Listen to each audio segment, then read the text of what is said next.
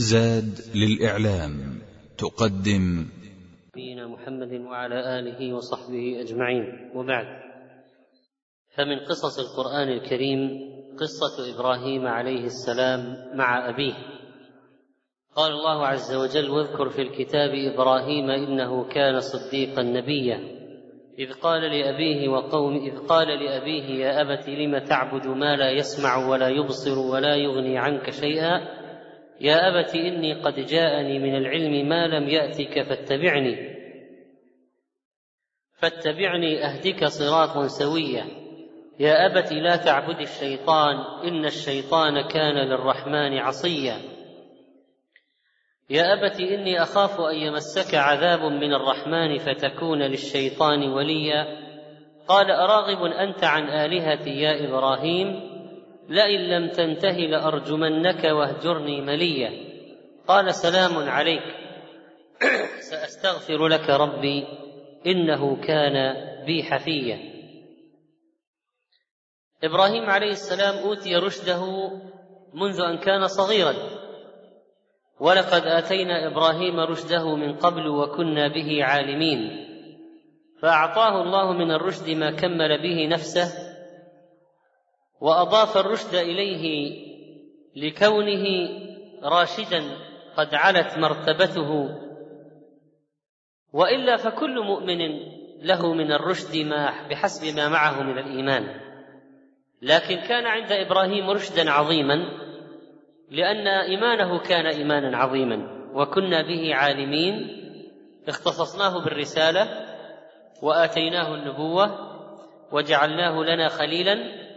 اصطفيناه في الدنيا والآخرة لعلمنا أنه أهل لذلك وكفء لذلك لأن عنده من الزكاء والذكاء وعنده أيضا من الأهلية. وقد أتاه الله الحج على قومه فكسر الأصنام وأفحم القوم. وكانت أول دعوته لأبيه. وكان أبوه ممن يعبد الأصنام. وأحق الناس بالدعوة العشيرة والأقربين. وقوله سبحانه وتعالى واذكر في الكتاب إبراهيم إنه كان صديقا نبيا. جمع الله له بين الصديقية والنبوة فهو صادق في أقواله وأفعاله وأحواله مصدق بكل ما أمر الله بالتصديق به وتصديقه من القلب موجب لليقين والعمل الصالح. إبراهيم أفضل الأنبياء بعد نبينا صلى الله عليه وسلم مباشرة وهو الأب الثالث للطوائف الفاضلة وهو الذي جعل الله في ذريته النبوة والكتاب وهو الذي دعا الخلق إلى الله صبر على ما ناله من الأذى اجتهد في دعوة القريب والبعيد وكان جريئا في الحق. هذه القصة مع أبيه قال الله فيها إذ قال لأبيه يا أبت لم تعبد ما لا يسمع ولا يبصر ولا يغني عنك شيئا؟ وهذه اللفظة اللطيفة يا أبت فيها استمالة للأب واستعطاف له. يا أبت لم تعبد ما لا يسمع؟ هذه أصنام ناقصة. في ذاتها ناقصة. لا تسمع ولا تبصر. وكذلك هي ناقصة في أفعالها. لا تغني عنك شيئا. هي في ذاتها ناقصة لا تسمع ولا تبصر. وفي أفعالها ناقصة لا تغني عنك شيئا. ولا تملك لعابدها نفعا ولا ضرا ولا تقدر على شيء من الدفع.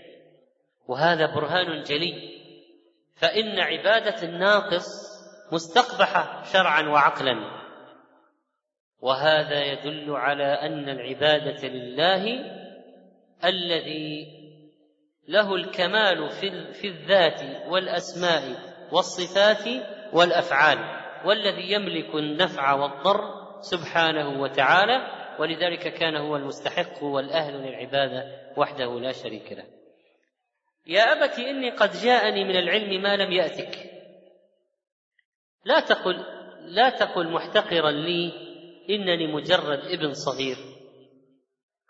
إن عندي ما ليس عند إن عندي شيء ليس عندك. أعطاني الله إياه. أطلعت عليه من الله. لم تطلع عليه أنت. ولم يقل يا ابت أنا عالم وانت جاهل. وإنما قال وصلني علم لم يصل إليك. لم يقل ليس عندك شيء من العلم. وإنما قال جاءني من العلم ما لم يأتك. أنت جاءك أشياء لكن أنا جاءتني أشياء لم تأتك. وصلني ما لم يصل إليك ولذلك ينبغي أن تتبع الحجة وتنقاد إليها. فاتبعني. أهدك صراطا سويا مستقيما يوصل إلى النجاة من المرهوب وتحصيل المطلوب وهو النعيم والثواب. ما هو هذا الصراط السوي؟ عبادة الله وحده لا شريك له وطاعته في جميع الأحوال. يا ابت لا تعبد الشيطان. لا تطعه في عبادتك هذه الأصنام. كل من عبد غير الله يكون قد عبد الشيطان. لأن الشيطان هو الذي أمره بذلك. والله عز وجل قال الم اعهد اليكم يا بني آدم الا تعبدوا الشيطان انه لكم عدو مبين وقال تعالى ان يدعون من دونه الا اناثا وان يدعون الا شيطانا مريدا لعنه الله. كل من عبد غير الله فقد عبد الشيطان. ان الشيطان كان للرحمن عصيا مخالفا مستكبرا عن طاعه ربه ولذلك فالله طرده وابعد واخرجه من رحمته. عصيا صيغة مبالغة زيادة التنفير من الشيطان لأنه شديد العصيان لله. إن الشيطان كان للرحمن عصيا. المعاصي ممكن تمنع رحمة الرب كما أن الطاعة من أكبر أسباب جلب رحمة الرب. يا ابت إني أخاف أن يمسك عذاب من الرحمن. أظهر الشفقة على ابيه أخاف عليك من شركك وعصيانك. لم يجزم بأن العقاب لاحق بأبيه وإنما قال أخاف أن يمسك. فذكر الخوف والمس ونكر العذاب. إني أخاف أن يمسك عذاب. والإتيان باسم الرحمن هنا للإشارة إلى وصف الرحمة وأنه لا يمنع حلول العذاب. فالله يعذب وهو رحمن سبحانه وتعالى وهو أعلم بمن يستحق الرحمة عز وجل. فتكون للشيطان وليا لك ولي. ليس إلا إبليس. وموالاتك له توجب العذاب الأليم. لك. تالله لقد أرسلنا إلى أمم من قبلك فزين لهم الشيطان أعمالهم فهو فهو إيش؟ وليهم. فهو وليهم اليوم ولهم عذاب أليم. ونلاحظ أن الخليل عليه السلام تدرج في الدعوة في دعوة أبيه بالأسهل فالأسهل فأخبره بعلمه وأن ذلك موجب لاتباعه لابنه وأنه إذا أطاعه اهتدى إلى الصراط المستقيم. ثم نهاه عن عبادة الشيطان وأخبره بما فيها من الأضرار ثم عذره عقاب الله ونقمته إن أقام على حاله وانه يصبح بالتالي وليا للشيطان.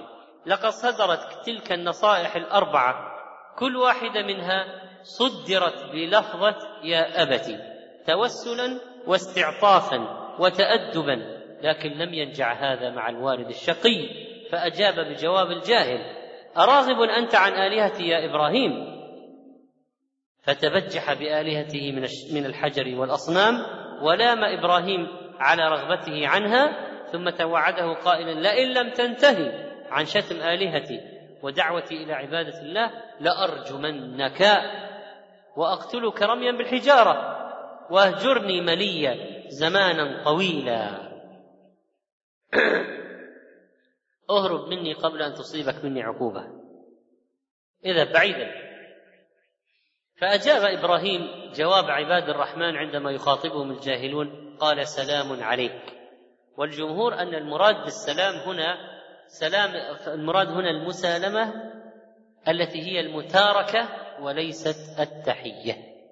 كما قال الله تعالى في وصف المؤمنين وإذا خاطبهم الجاهلون قالوا سلاما وإذا سمعوا اللغو أعرضوا عنه وقالوا لنا أعمالنا ولكم أعمالكم سلام عليكم. لا نبتغي الجاهلين.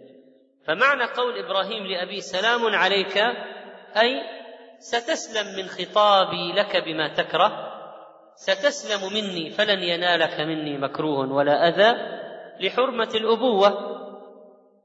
وإن جاهداك على أن تشرك بي ما ليس لك به علم فلا تطعهما. وصاحبهما في الدنيا معروف. ووعده بأن يستغفر له وقال سأستغفر لك ربي وأسأل الله أن يهديك ويغفر ذنبك. إنه كان بي حفيا عليما بحالي رؤوفا بي معتنيا بي. وقد استغفر إبراهيم لأبيه كما قال الله تعالى عنه ربنا اغفر لي ولوالدي وللمؤمنين يوم يقوم الحساب لكن لما تبين لإبراهيم أن أباه عدو لله ومات آزر على الكفر وعرف إبراهيم أنه لا يفيد شيئا ترك الاستغفار له وتبرأ منه.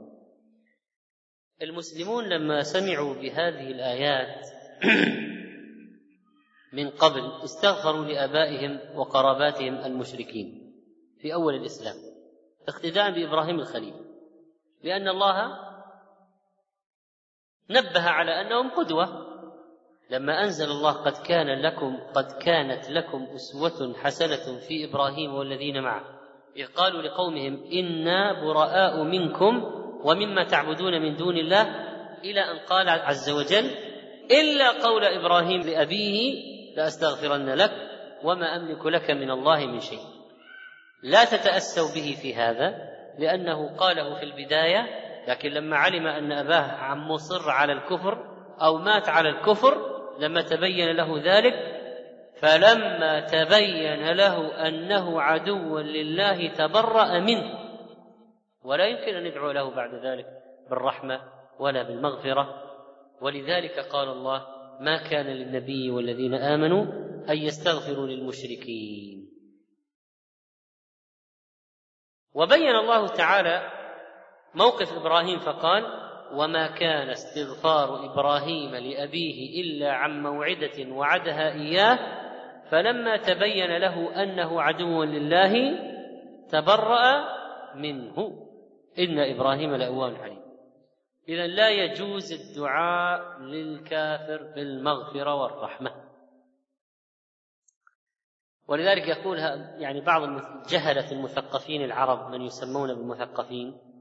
ممكن واحد يقوم يلقي كلمة يقول وقال برنارد شو رحمه الله؟ كذا. وممكن يكتب بعض الصحفيين العرب الجهلة أيضا يقول وانتقل مدري جور كذا معوض إلى مدري إيش يرحمه الله. يعني نصراني كافر يكتب في الجريدة في الخبر يرحمه الله رحمه الله. أين الولاء والبراء؟ أين هذه الآية؟ ما كان للنبي والذين آمنوا أن يستغفروا للمشركين ولو كانوا أولي قربى. إذا ما كانوا أولي قربى من باب أولى. إذا كان أبوك الرسول عليه الصلاة والسلام استأذن ربه أن يستغفر لأمه منعه ذلك. ولما جاءه الأعرابي قال أين أبي؟ قال أبوك في النار. الأعرابي ولى وفي نفسه حسرة دعاه قال أبي وأبوك في النار. إن أبي وأباك في النار. إيه؟ ماذا تريد أكثر من ذلك؟ فإذا العلاقة المقدسة العلاقة عند الله علاقة العقيدة. والميزان ميزان العقيدة. ولو واحد أن يعرف أن يعرف أن أباه على الكفر مات أو أن أمه ماتت مشركة ما جاز له الاستغفار لها. إبراهيم عليه السلام لما هدده أبوه وطرده لأرجمنك واهجرني مليا. قال وأعتزلكم وما تدعون من دون الله وأدعو ربي عسى ألا أكون بدعاء ربي شقيا. سأجتنبكم وأتبرأ منكم ومن آلهتكم. وأتوجه إلى الله ربي وحده لا شريك له بالعبادة داعيا إياه دعاء العبادة ودعاء المسألة وأدعو ربي عسى أن لا أكون بدعاء ربي شقيا عسى أن يسعدني الله بإجابة دعائي وهذه وظيفة الإنسان إذا يئس ممن يدعوهم ولم تنجع فيهم المواعظ وأصروا في طغيانهم. فعليه أن يشتغل بإصلاح نفسه ويرجو القبول من ربه ويعتزل الشر وأهله. وهذا موقف اليوم كثيرا ما يحدث من كثيرا ما يحدث للناس. واحد يكون مثلا في أهله أو مع أبيه مثلا أو مع أهله إخوانه أخواته. فيحاول أن يدعوهم وهم يصرون ويعرضون ويكفرون.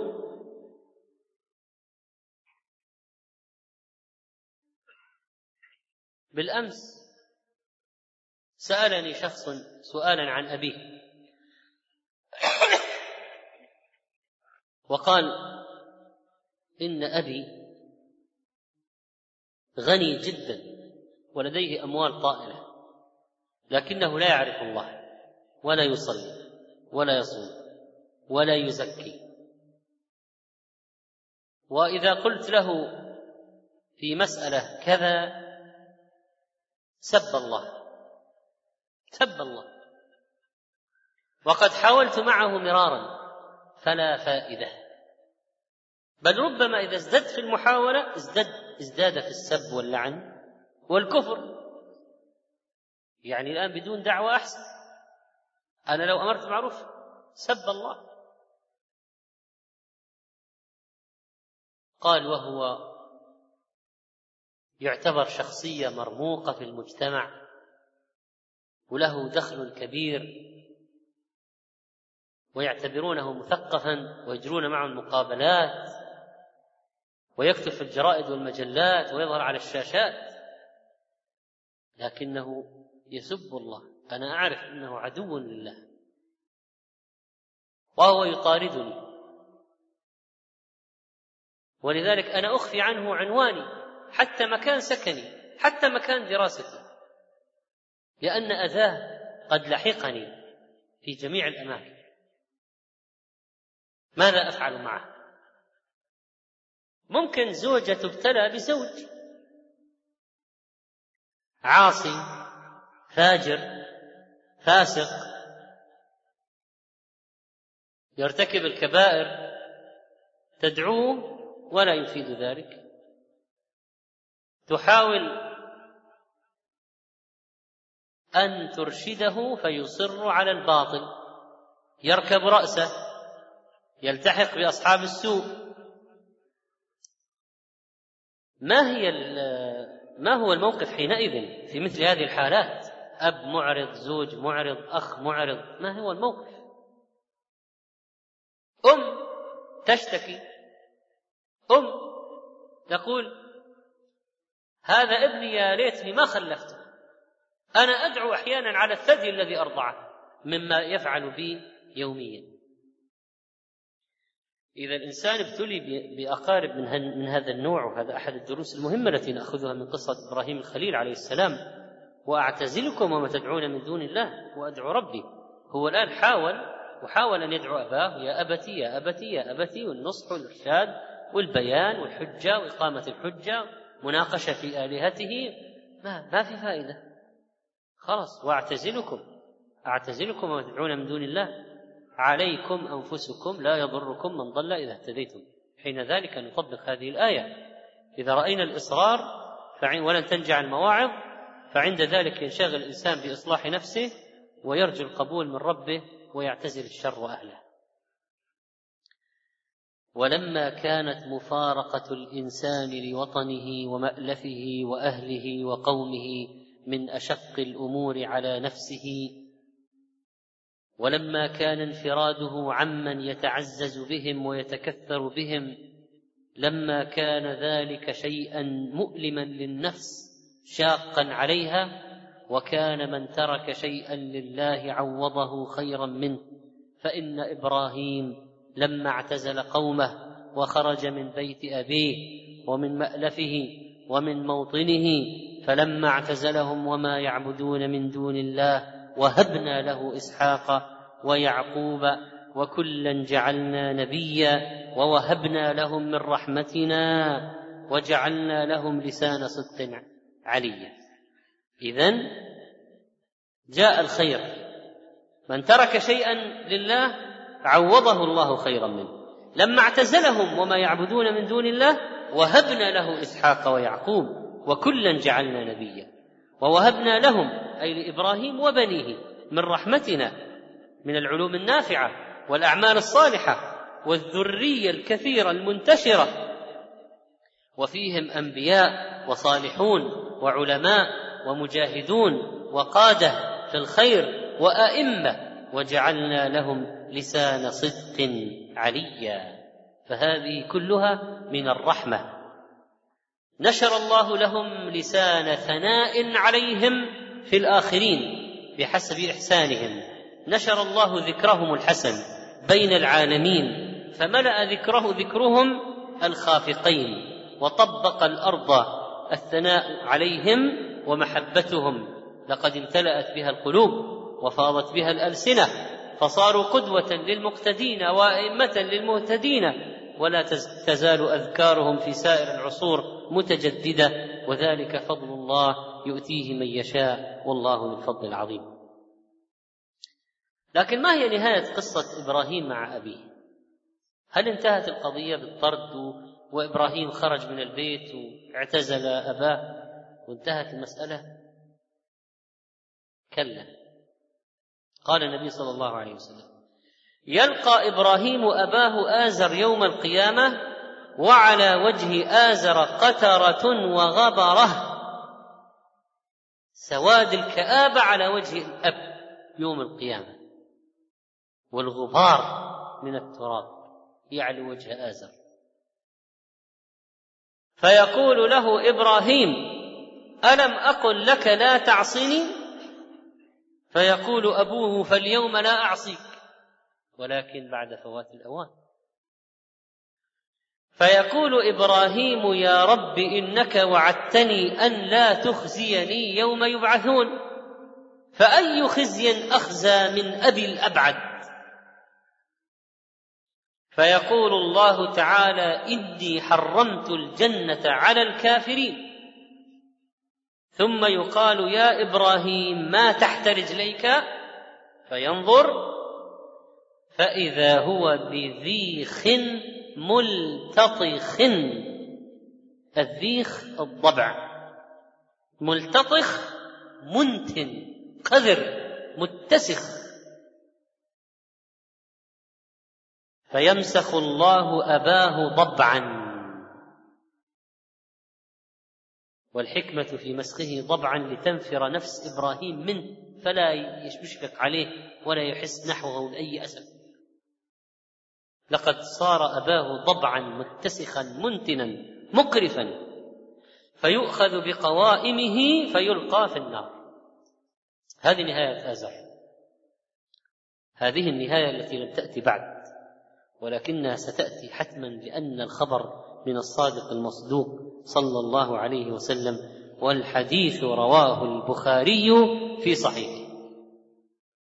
الضبع حيوان أحمق وآزر كان من أحمق البشر لأنه بعد أن ظهر له الآيات البينات رفض. وممن من ابنه. يعني الواحد يفرح أن ابنه يتفوق في أمور الدنيا. فالعجب من هذا الأب الكافر الذي لم يعجبه أن ابنه فاقه في أشياء من العلم بل صار نبيا وأصر على الكفر ولم يطع ابنه مع أنه رأى بنفسه الآيات. ولأن للضبع عوجا فكانت تلك إشارة إلى عوج آزر. هذا سيكون مصير آزر يوم الدين. تبرأ منه إبراهيم في الدنيا وسيتبرأ منه في الآخرة.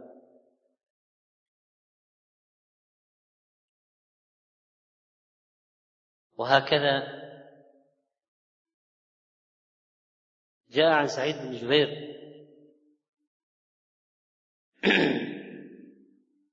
أنه قال يقول إبراهيم لأبيه إني كنت أمرك في الدنيا وتعصيني. لكن عندما يمسخ ضبعا يتبرأ منه إبراهيم عليه السلام. إن هذه القصة حفلت بفوائد كثيرة ومنها البداية في الدعوة بالأقربين. إبراهيم عليه السلام بدأ بأبيه. هذا ما فعله النبي صلى الله عليه وسلم امتثالا لقول الله تعالى وأنذر عشيرتك الأقربين. ولما نزلت هذه الآية صعد النبي صلى الله عليه وسلم وقال يا معشر قريش اشتروا لأنفسكم لا أغني عنكم من الله شيئا. يا بني عبد مناف لا أغني عنكم من الله شيئا. يا عباس بن عبد المطلب لا أغني عنك من الله شيئا. يا صفية عمة رسول الله لا أغني عنك من الله شيئا. ويا فاطمة بنت محمد سليني ما شئت من مالي لا أغني عنك من الله شيئا. إذا كفرتم لا أغني عنكم من الله شيئا.